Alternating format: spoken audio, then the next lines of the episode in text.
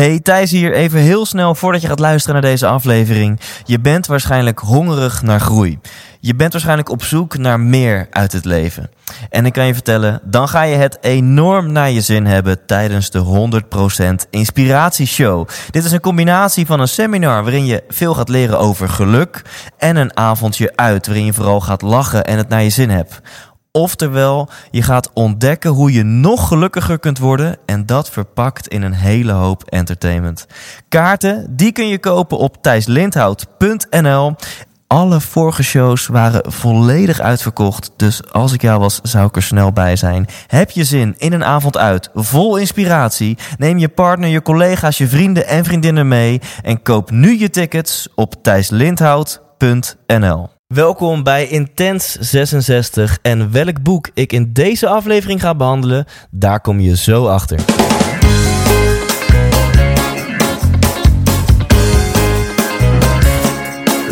Hey, wat goed dat je luistert. Hij staat weer voor je klaar. Je wekelijkse dosis inspiratie is weer daar. De allerleukste gasten geven al hun kennis prijs. Met je veel te blije host, hij praat je bij. Zijn naam is Thijs.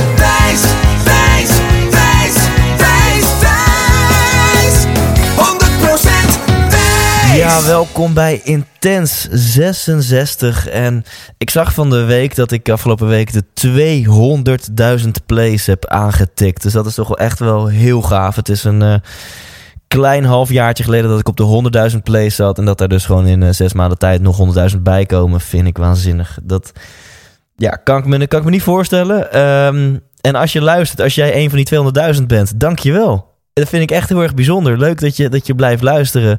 En ook al ben ik de laatste tijd niet super consequent met op een juiste dag en op het juiste moment een aflevering posten, blijf je blijkbaar gewoon lekker luisteren. Dus dat, eh, ja, dat geeft mij heel veel waardering en heel veel hoop en heel veel energie om, eh, om lekker door te gaan. Zo ook met de Boekenclub. Ehm, ik heb heel veel input gekregen. Mocht je niet weten waar ik het nu over heb, in deze maand, in de augustusmaand, heb ik besloten om geen mensen te interviewen, maar om het eh, over boeken te hebben. Ja, en waarom? Omdat dit gewoon een heerlijke maand is om boeken te lezen. Eh, veel mensen zijn op vakantie. Wellicht ben jij een van die geluksvogels. Wellicht zit je lekker thuis. Misschien moet je gewoon werken. Anyway, het is mooi weer. Nou, oké, af en toe als het goed is. Ehm, en een mooie gelegenheid om uh, wat dingen te, te rethinken uit je leven. Om um, in nieuwe inspiratie op te doen om nieuwe inzichten op te doen. En ik vind het altijd heerlijk om op vakantie gewoon lekker een boekje open te klappen. En ja, ik ben niet zo van de, van de romans en thrillers en zo. Ik heb dan liever een boek waar ik uh, ook nog geïnspireerd door raak. Dus ben jij net zo'n freak als ik, dan vind je dat denk ik leuk. En uh, daarom heb ik in de vorige aflevering gevraagd om input. Ik heb gezegd, ik ga elke aflevering besteden aan één boek. Dus dat zal ook deze aflevering gebeuren. Maar voordat ik onthul welk boek dat is en ik ja, een soort van boekpresentatie. Ik ben ook een beetje zenuwachtig ik ga een boekpresentatie geven. Um, voordat ik die boekpresentatie aan jou ga geven, wil ik even met je doornemen een aantal inzendingen die ik heb gehad. Want jullie zijn helemaal losgegaan op Facebook. Op de 100% Thijs Lindhout pagina kon je onderaan mijn post kon je me wat tips geven voor uh, boeken. En ik dacht, nou ja, als ik drie, vier tips krijg, ben ik helemaal happy. En dan moet ik daar uh, een aantal boeken uit kiezen. Maar ik tel eventjes, ik heb meer dan 55 boeken tips van jullie gekregen. Nou, die ga ik niet nu allemaal doornemen. Ik wil er een paar, uh, ik zal proberen om er een paar uit, uit te pikken.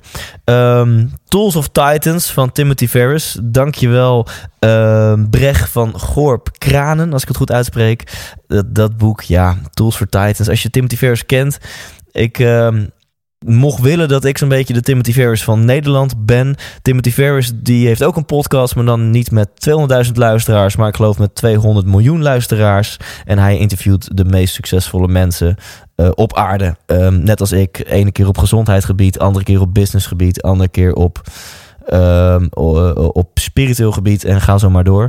En um, zijn boek Tools of Titans is eigenlijk gewoon een bundeling van, ik geloof, zijn eerste 200 interviews of zo. Dus het, het is ook heel erg gestructureerd. Gewoon elk hoofdstuk is een interview.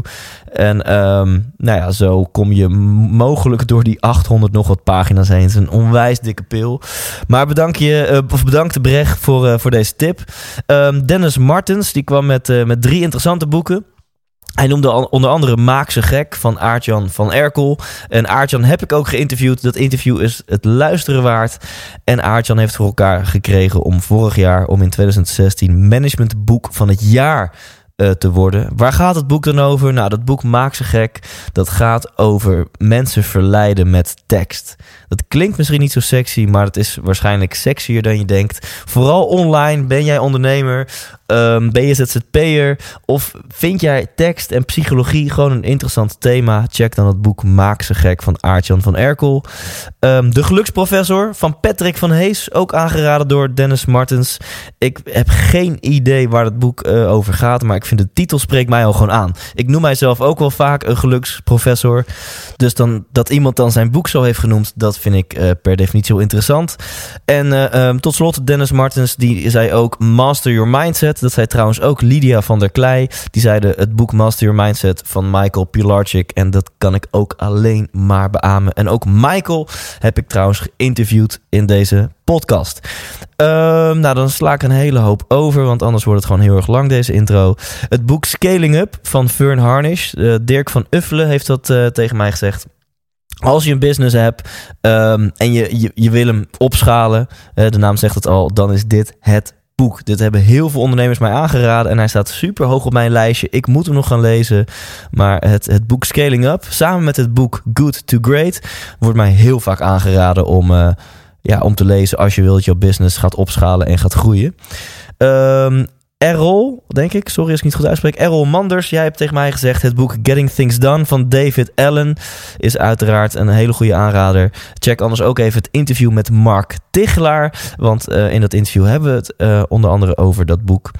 Um, de kracht van kwetsbaarheid, een boek van Brené Brown en uh, Natasjaatje DL heeft mij dat aangeraden. Ik heb geen idee um, wat dat boek is, maar ik vind de titel De kracht van kwetsbaarheid vind ik interessant. Dus als jij uh, dat ook vindt, dan is dat mogelijk een boek om te lezen.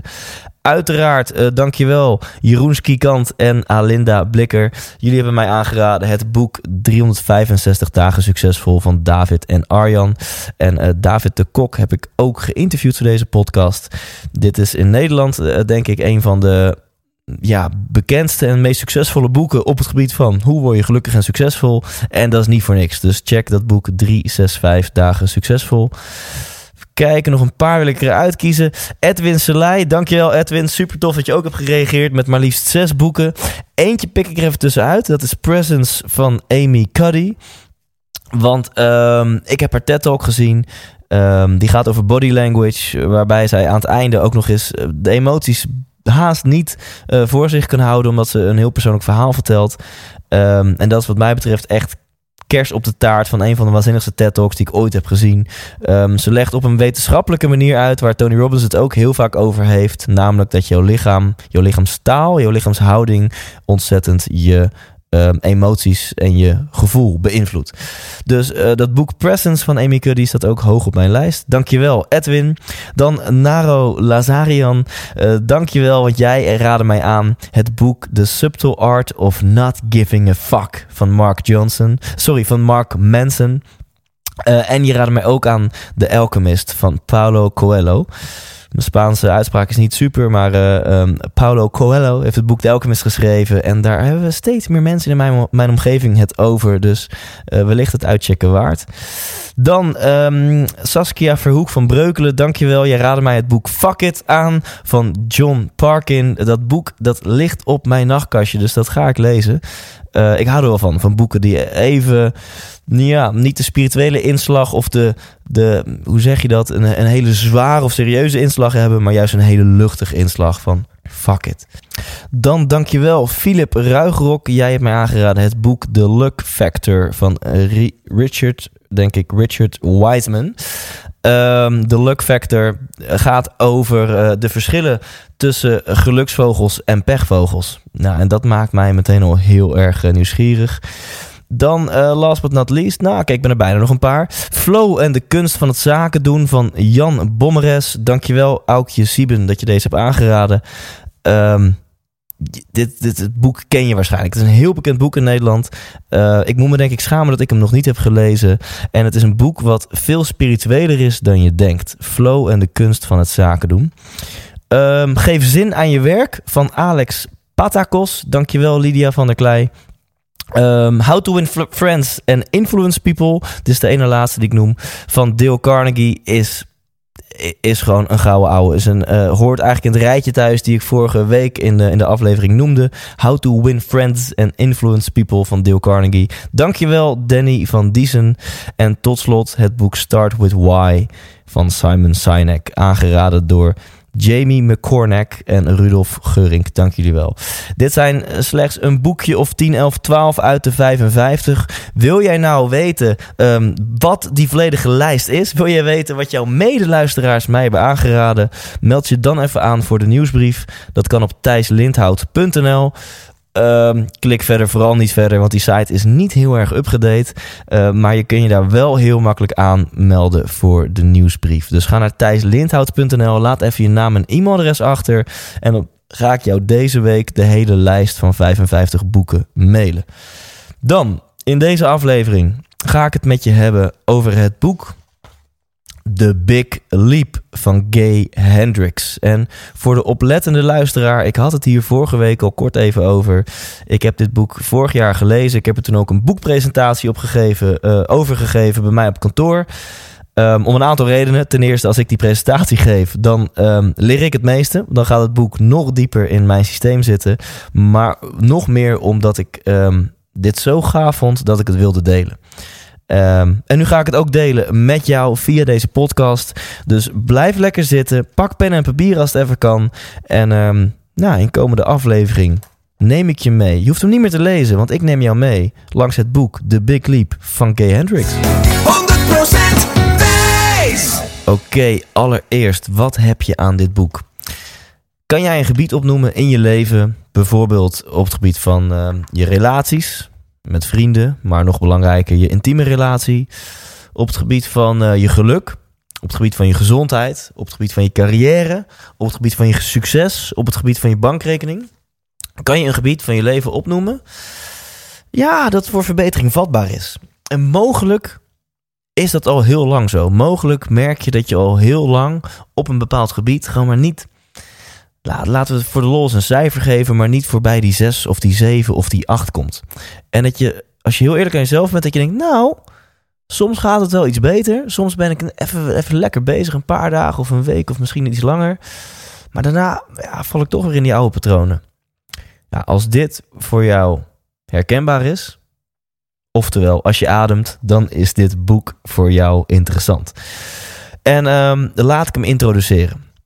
Het boek begint trouwens om wat, wat informatie voor de, voor de autisten, net als ik, wat informatie te geven over het boek. Het is een heel dun boekje, in ieder geval 216 pagina's, vind ik een dun boekje. Lees makkelijk weg. Je kan hem ook in het Nederlands krijgen, dan heet hij geloof ik Waag de Sprong. Uh, maar uh, ik ben zelf niet bijzonder goed in Engels, maar ik vond hem prima weglezen in het Engels. Um, en op de voorkant zie je een vis die van een kleine vissenkom naar een gigantisch grote vissenkom probeert te springen. Nou, vandaar ook de titel The Big Leap. Waarom heeft deze meneer Gay Hendricks dit boek geschreven? Hij zat op een dag op zijn kantoor en hij besefte zich op dat moment hoe goed zijn leven ging. Hij besefte op dat moment van wauw, mijn carrière gaat supergoed. Hij had toen een baan als psycholoog bij de Stanford University. Zijn relatie ging lekker. En hij kan zich dit moment nog heel goed herinneren. Hij leunde achterover in zijn stoel. En hij voelde zich gewoon lekker relaxed en voldaan. Hij was even aan het, aan het marineren. Gewoon in zijn geluk van wauw. Het gaat lekker. Relatie, bedrijf, kids. En op dat moment begon hij zich ineens zorgen te maken over zijn dochter. Zijn dochter deed op dat moment mee aan een zomerprogramma.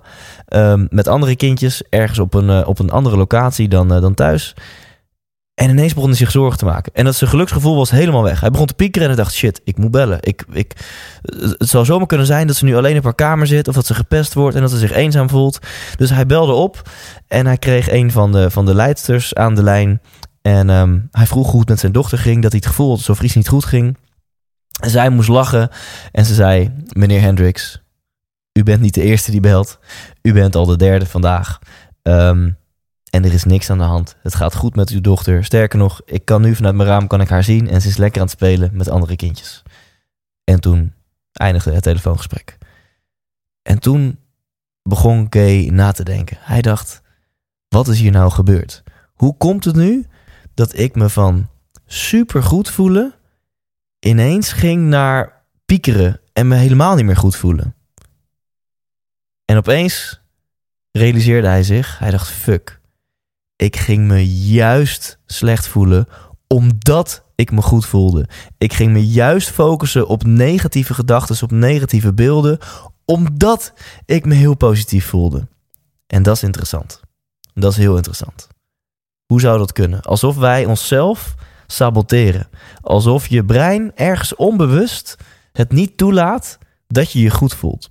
En om even één uh, zin uit het boek te quoten. Hij zegt: Each of us has an internal thermometer for how much success, wealth, happiness, love and intimacy we let ourselves experience. That's our upper limit setting, kind of like our success comfort zone.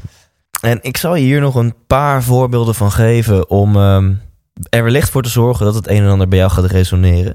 Er is veel onderzoek gedaan naar mensen die de loterij winnen. En wat blijkt, die gaan binnen twee jaar gaan ze weer terug naar hunzelfde mate, niet alleen van geluk, maar zelfs naar hunzelfde financiële situatie. Dus de meeste mensen die een loterij winnen, die genieten van dat geld. En die bagatelliseren het ook zo hard dat ze het er in een paar jaar doorheen jassen, zodat ze na twee jaar weer ongeveer dezelfde, dezelfde financiële situatie hebben als zij daarvoor hadden. Herken je dit met je liefje? Um, dat je een hele leuke dag hebt, of je hebt een leuke vakantie, een leuk weekend of een paar dagen. lijkt de liefde die klotst tegen de plinten. En dat je dan na verloop van tijd een ruzie ontlokt. En dat of jij dat doet of je partner doet dat. En als je heel eerlijk naar jezelf bent, dat je denkt, ja, fuck. Dat ik wist gewoon, als ik dat onderwerp ga aansnijden, als ik die opmerking maak, dan weet ik gewoon, dan ontstaat er frictie, ontstaat er een ruzie. Heb je net zo'n leuke tijd gehad, een onwijs leuke dag, en ineens zit je weer op elkaar te, te, te kibbelen en heb je een ruzie. Of herken je dit? Dat je lekker bezig bent met je gezondheid. Je hebt een, eh, een programma voor jezelf gemaakt wanneer je gaat sporten, wat je gaat eten, wat je gaat ontbijten, of je überhaupt gaat ontbijten. Je bent lekker bezig, je staat op de weegschaal, je kijkt in die spiegel en denkt, wauw, het gaat goed. En ineens vind je jezelf weer op die bank met een bak chips. En vanaf daar is het weer bergafwaarts en ga je weer terug naar je vorige niveau van vitaliteit, van gezondheid. Het patroon, ik denk dat je hem inmiddels door hebt. Het patroon is heel simpel Dingen gaan goed en dan verneuk je het weer voor jezelf. En dingen gaan weer goed en dan verneuk je het weer voor jezelf. En dat noemt beste Gay Hendrix ons upper limit problem. Oftewel, onbewust hebben wij een thermostaat setting. Je hebt een thermostaat voor hoeveel liefde je mag ervaren in je leven, voor hoeveel succes je mag ervaren, voor hoeveel geluk je mag ervaren, voor hoeveel geld je mag ervaren. En, en als je over die um, thermostaatsetting heen gaat. Hè? Dus stel je hebt voor jezelf een 7 op het gebied van relaties, wat het ook mag zijn. En je gaat er overheen. Dat je dan na verloop van tijd jezelf gaat saboteren. En er dus onbewust voor zorgt dat het weer netjes gewoon die 7 wordt. Nou, de grote vraag is nu: waar komt dit vandaan? Waar ligt de oorzaak van zo'n upper limit problem? Hoe kan je dat constateren? Hoe kun je scherp worden bij jezelf wanneer dit aan de hand is, wanneer dat saboterende gedrag vertoont? En hoe kun je er doorheen breken? Ik ben daar altijd naar op zoek. Concrete tips. Oké, dit snap ik, uh, meneer Gay. Maar vertel mij nu, hoe kan ik hier doorheen breken? En daar ga ik het met je over hebben. Um, dus laten we verder gaan. En voordat we deze tips krijgen, hebben het eerst, of heeft het boek het eerst over een aantal verschillende zones waar je in kunt leven. En die heb ik in de podcast van vorige week ook al kort toegelicht, dus daar ga ik even snel doorheen. Je kunt um, werken of leven in je zone of incompetence. Dat betekent dat je eigenlijk werk doet, dat je dingen doet in je leven waar je niet goed in bent en waar je geen energie van krijgt. Dan, gelukkig zijn er meerdere zones, heb je ook de zone of competence. En dit houdt in dat je wel degelijk dingen doet waar je goed in bent, maar iemand anders zou het net zo goed van je over kunnen nemen. Dit is een hele grote valkuil van heel veel ZZP'ers en succesvolle mensen. Je doet dingen, je bent er goed in, maar heel veel andere mensen zijn er net zo goed of misschien wel beter in dan jij. En dit zou je dus heel makkelijk kunnen uitbesteden.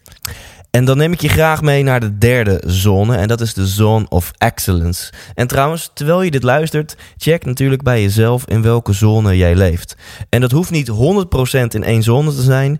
Um, dat kan ook een verdeling zijn. Het kan ook zo zijn dat je voor je gevoel op verschillende gebieden van je leven in verschillende zones zit. En dat is nu juist zo interessant. Dus check dat bij jezelf terwijl je naar dit, uh, ja, terwijl je hier naar luistert. De Zone of Excellence.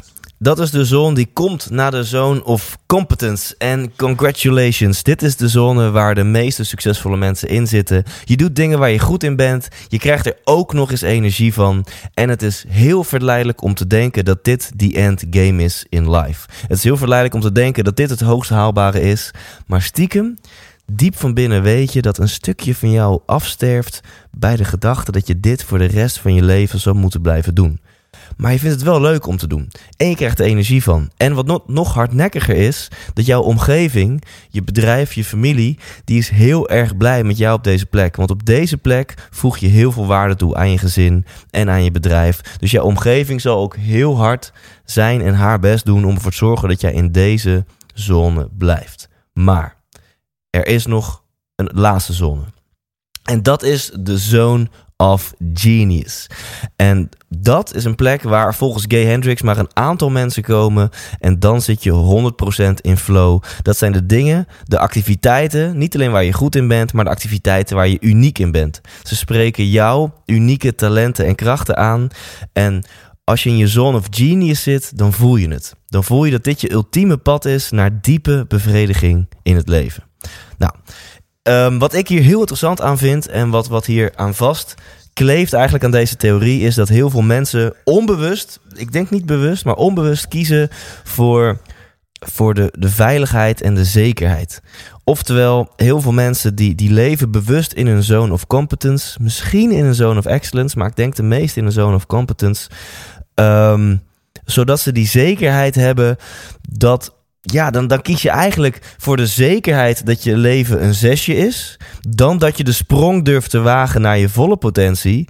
Um, maar dan zou je zomaar eens kunnen falen. En dan zou het misschien wel even een vier kunnen zijn.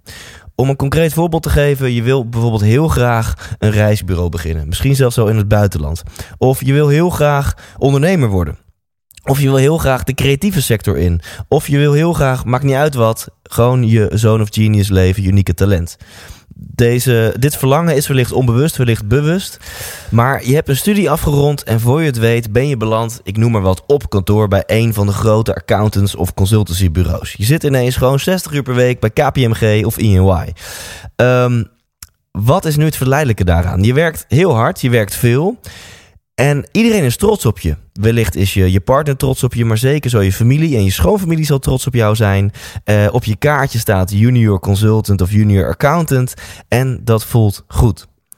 En diep van binnen weet je dat je eigenlijk iets anders zou willen. Maar ben je gewoon hartstikke bang. Ben je hartstikke bang dat als jij de sprong gaat maken naar je volledige potentie, dat je er misschien achter komt dat jouw potentie grenzen heeft. Dat je wellicht zou kunnen falen. En dat, ja, dat is dan weer dat upper limit problem. En daar gaan we het er nu over hebben. Waar komt dat upper limit problem vandaan? Zodat wij met z'n allen ervoor kunnen zorgen dat we wel die sprong durven te wagen naar onze zone of genius. En daar gaan we het nu over hebben. Um, voordat ik dat doe, wil ik nog even een quote voorlezen op pagina 119. Um, ehm, daar zegt Gay Hendricks: If I took the big leap into my zone of genius, I might fail. What if I really opened up to my true genius and then found out that my genius wasn't good enough? Kijk, dat is volgens mij in één mooie zin wat, uh, waar ik net vijf minuten over deed. Um, wat zijn dan die onderliggende angsten? Wat ligt ten grondslag aan die interne thermostaat en dat je dus niet tot je volledige potentie durft te komen op onbewust niveau? Nou, er staan hele handige oefeningen in het boek, dus ik kan je ook aanraden om die gewoon een keer te doen. Uh, of die kan je ook nu doen terwijl je luistert naar deze podcast. Je zou bijvoorbeeld een aantal vragen voor jezelf kunnen beantwoorden. Zoals, ik kan niet mijn volledige potentie leven omdat... Puntje, puntje, puntje. Nou, vul hem maar in. Of ik kan niet leven in een overvloed van liefde en een harmonieuze relatie hebben omdat. Puntje, puntje, puntje. Dus eigenlijk, ik kan niet leven in overvloed van eh, van liefde omdat, puntje, puntje, puntje. Of ik zal nooit financieel vrij worden omdat, puntje, puntje, puntje. Nou, wellicht als je hem nu op pauze zet en dit invult, dan, uh, dan komen er al wat interessante antwoorden bij jezelf. Gay omschrijft in elk geval vier oorzaken, uh, vier angsten die ten grondslag liggen aan jouw upper limit behavior. Um, en het eerste is, hij zegt, het gevoel hebben dat er fundamenteel iets fout met je is. Oftewel, ergens denk je dat je niet goed genoeg bent. En dat kan. En waarschijnlijk, als dat zo is, ligt die oorzaak bij je ouders. Dat je te weinig voor je gevoel, te weinig liefde, erkenning, waardering hebt gekregen van, uh, van een van je ouders. Daardoor heb je ergens het gevoel dat je niet goed genoeg bent. En daardoor saboteer je jezelf op het moment dat je ineens wel succesvol wordt. Want je onderbewuste zegt: nee, dat klopt niet. De tweede is dat je. Um, uh, upper limit, uh, ja, een upper limit problem hebt, omdat je anders niet loyaal bent richting je verleden, richting je roots. Oftewel, op onbewust niveau vind je dat je het eigenlijk niet tegenover je omgeving kan maken om succesvol te worden op dit gebied van je leven. Drie, uh, dat is de overtuiging dat je nog meer tot last zou zijn als je nog succesvoller wordt. Dus op de een of andere manier heb je de overtuiging, ja, als ik nog succesvoller ben, dan word ik nog meer tot last. Bijvoorbeeld voor mijn ouders. Ik moet zeggen, ik vind een aantal van deze. Um, dit vind ik niet het meest heldere stuk van het boek. Ik vind een aantal van deze oorzaken veel op elkaar lijken. Um, en tot slot vier. Um, zegt Gay Hendricks. Ik kan niet super succesvol worden, want dan zet ik puntje, puntje, puntje in een kwaad daglicht. Dus bijvoorbeeld wil je onbewust niet succesvoller worden dan je broer of je zus of je beste vriend of iets dergelijks. Um, dus één, je hebt het gevoel dat er iets fundamenteel mis met je is. Uh, twee, je vindt dat je niet loyaal bent richting je verleden als je succesvol wordt. Uh, drie, je hebt, het, je hebt de overtuiging dat je nog meer tot last zal zijn als je succesvol wordt. En vier, je vindt dat je het niet kan maken tegenover iemand in je omgeving. Nou, dat zijn uh, uh, de onderliggende angsten van jouw upper limit behavior. Oftewel dat gedrag, dat zelfsaboterende gedrag, waardoor je maar niet door een bepaald plateau heen kan breken. Dan is het heel interessant, want dit, dit, is, dit is diep. Uh, en hier kan je best, hier mag je best even over nadenken. Maar ik hou ook van, uh, van zowel van diepte als ook van oppervlakte. Waar aan de oppervlakte kan je nou bij jezelf zien dat je dit gedrag vertoont? En dat is misschien een stuk makkelijker om zo vanuit concreet gedrag, zeg maar, al die schillen af te pellen tot uiteindelijk de kern. En zo kom je misschien bij jouw angst of de de reden, de oorzaak van jouw upper limit behavior. En uh, Gay noemt er een hele hoop en ik ga er vijf met je delen, want dit is lekker concreet. Hier hou ik van. Allereerst noemt hij zorgen maken, piekeren. En dit vind ik best een heftige. Piekeren, zorgen maken is volgens Gay Hendricks per definitie upper limit behavior. Is per definitie zelfsaboterend gedrag. Want er is altijd wel een reden om je kut te voelen. Het patroon is heel simpel. Uh, de anekdote waar ik deze aflevering mee begon. Je zit in je stoel, je geniet van je leven, je relatie gaat goed, je business gaat goed, je gezondheid gaat goed. En toch vind je wel weer een reden om je kut te voelen. Je vindt alweer een gedachte, een focus, waardoor je kan gaan piekeren. Um, dus zorgen maken, piekeren is absoluut upper limit behavior. Twee, bekritiseren als jij kritiek hebt op andere mensen, dat doe je ook vaak hè, in, in sociale context. Dat je met één of twee andere mensen iemand anders afzeikt. Of een bekend persoon, of iemand van kantoor, of iemand uit de vriendengroep, of iemand, maakt niet uit. Um, is per definitie upper limit behavior. En is tevens de nummer één relatievernietiger in de wereld. Op de een of andere manier is bekritiseren een verslaving. Um, stel je relatie gaat niet helemaal lekker. Probeer het eens een dag niet te doen. Probeer eens een dag 0,0 je partner te bekritiseren en je zal merken hoe moeilijk dat is. 3. Um, het wegwuiven van complimentjes. Of in elk geval het niet accepteren van complimenten. Oftewel, je hebt net iets goeds gedaan. Mensen komen naar je toe, zeggen: Wauw, dat was goed, dat was knap. En jij reageert met: Ah, nee, joh, dat valt wel mee. Dat was, was, stelt helemaal niks voor. Of was eigenlijk helemaal kut. Of ik heb niet eens mijn best gedaan. Um, vind ik een interessante. Daar kan ik mezelf redelijk vaak op, uh, op betrappen. En ik denk jij ook. Um, en ik hou ervan als mensen je confronteren, als mensen je challengen. En Gay zegt, ja, dat niet accepteren van complimentjes is ook gewoon upper limit gedrag. Dus neem het uh, in ontvangst. En dan de vierde oorzaak van upper limit behavior, dat is ruzie maken. Daar hebben we het al uh, eerder in deze aflevering over gehad. Stel met je liefje, het gaat lekker, de liefde klotst tegen de plinten, er is passie, jullie hebben het naar, naar, uh, uh, naar je zin met elkaar. En opeens ontstaat er een ruzie, ontstaat er een argument over dat onderwerp waar jullie wel vaker over backvechten of ruzie maken. Eén van de twee is daarmee begonnen. Eén van de twee heeft dat onderwerp geïntroduceerd. En waarom? Het was nergens voor nodig. Jullie zaten net lekker in de flow en wegflow. En terug naar het oude level van jullie mogelijk crappy relatie. Tot slot, uh, die gaat wel dieper. De vijfde oorzaak van upper limit behavior, zegt Gay Hendricks, is ziek worden. Oftewel, die interne thermostaat op onbewust niveau, die is zo hardnekkig dat op het moment dat jij een grote kans krijgt, dat het goed gaat in je carrière, dat je, dat je mooie dingen mag doen, dat je aan het groeien bent, dat je succesvol aan het worden bent, dat je lichaam denkt, ho ho ho, maar dit klopt niet, dit is niet de thermostaat die ik heb ingesteld, dus ik, ik leg je even plat jongen, poef, en dan ineens heb je griep, ben je hoesterig of wat dan ook. Um, gay gaat zo ver dat hij zelf stelt dat iets breken of vallen, dat soort dingen kan ook op onbewust niveau upper limit gedrag zijn. Um, dat, of dat te ver gaat of niet, dan mag je lekker zelf bepalen. Ik, ik vind altijd wel tof om voor dat soort dingen open te staan. Ik denk, ja, ja, je kan ook wel... Uh, um, bijvoorbeeld bij een auto-ongeluk, waar ook Manfred van Doorn het over heeft, kan je toch altijd nadenken: ja, in hoeverre heb je dat op onbewust niveau misschien wel zelf op je, op je afgeroepen? Dus de vijf concrete gedragingen, zeg maar, is één, uh, zorgen maken, piekeren, dat is de allerbelangrijkste. Twee, mensen bekritiseren, ook zeker in relatie, doe dat niet. Drie, uh, complimentjes wegwuiven. Vier, ruzie maken. En vijf, ziek worden. Oké, nu weten we wat de Zone of Genius is. We willen er heel graag in gaan leven.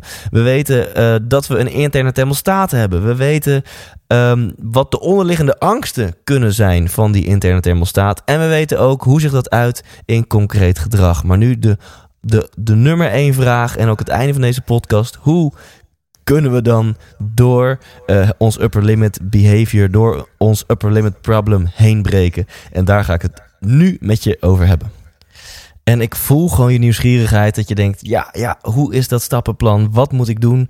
En om heel eerlijk te zijn, ik moest er een beetje naar op zoek. Sterker nog, ik heb hem zelf uit de laatste hoofdstukken gefilterd. Ik vind zelf niet dat uh, dat game met een heel duidelijk stappenplan komt van kijk, we hebben nu het probleem gestrest, we weten waar het vandaan komt, we weten hoe je het kan signaleren.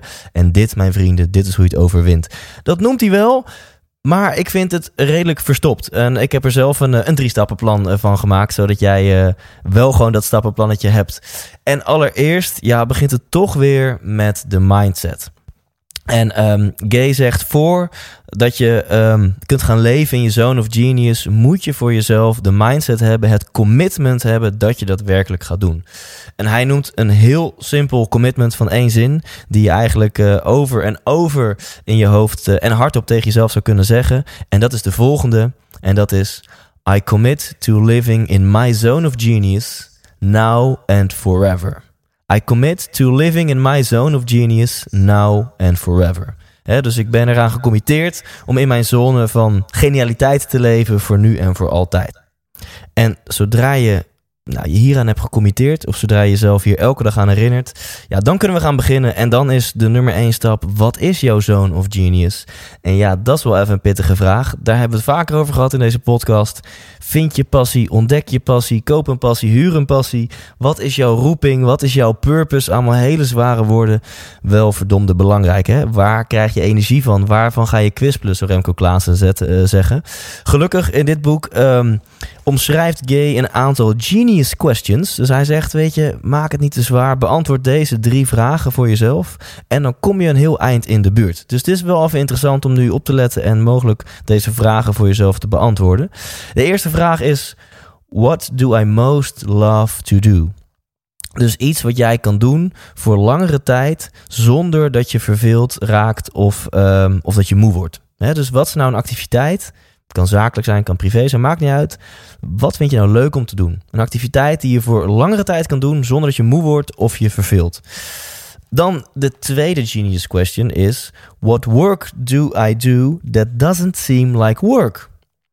Dus ja, in je werkende leven, wanneer doe je nou een activiteit of een project? Of heb je ooit wel eens een baantje gehad of iemand geholpen of wat dan ook, waarbij het gewoon niet als werk voelde? Dus dat kon je ook gewoon de hele dag doen zonder dat je moe werd of je ging vervelen. What work do I do that doesn't feel like work? Dan de derde vraag. Ehm, hij zegt: In my work, what produces the highest ratio of abundance and satisfaction to the amount of time I spend?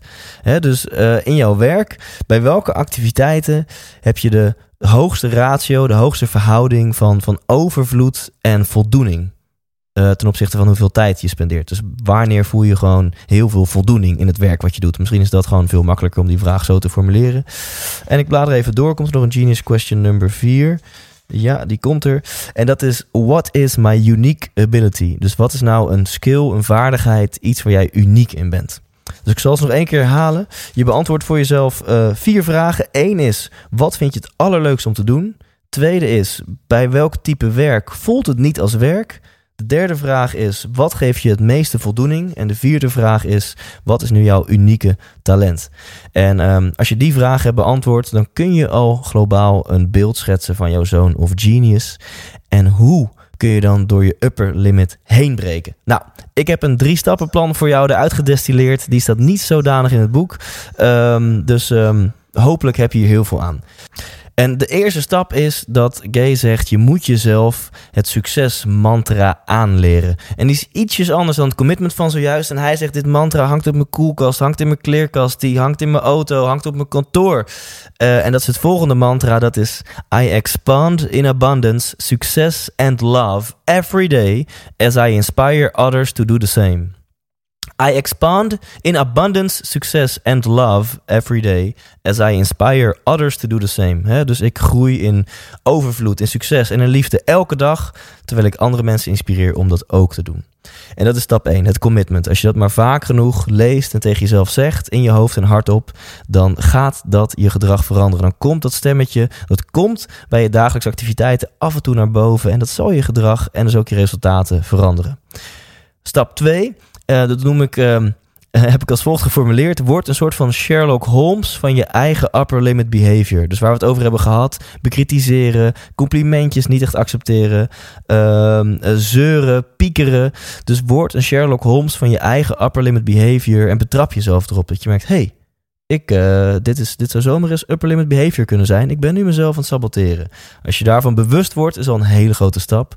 En uh, tot slot, stap 3. Als jij jezelf dan hebt betrapt, dan uh, zegt Kay het volgende.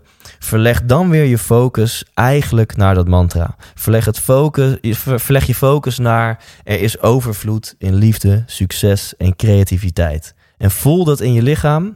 En omarm een nieuw verhaal, een nieuw avontuur in je zoon of genius. Nou, ik dicteer uit andermans werk. Dit is wat, uh, wat Gay uh, omschrijft. Um, dus één, in elk geval, het drie stappenplan is een beetje van mij, maar het is natuurlijk uh, gebaseerd op zijn input. Dus één, het succesmantra. Twee, wordt een Sherlock Holmes van jouw um, saboterende gedrag.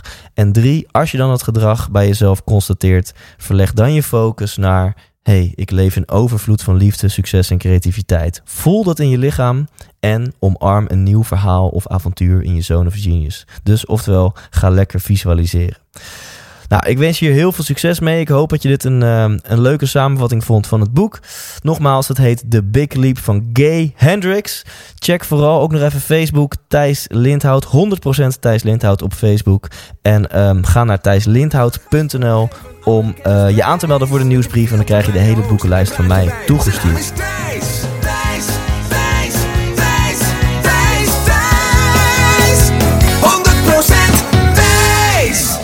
Thanks voor het luisteren van deze aflevering. Ik hoop dat je dit interessant vond. Dit is voor mij stiekem een beetje uit mijn comfortzone.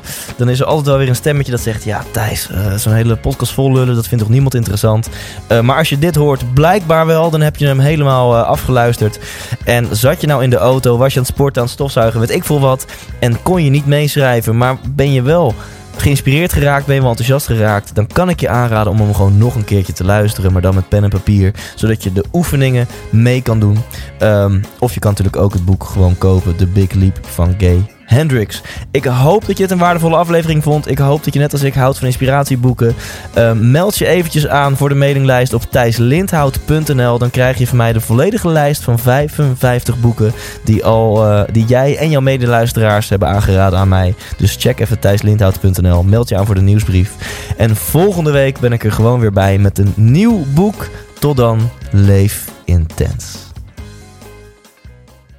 Hey, wat leuk dat je hebt geluisterd naar deze aflevering. En als je het nog niet hebt gedaan, waar wacht je nog op? Ga nu naar thijslindhout.nl en koop je tickets voor de 100% Inspiratieshow.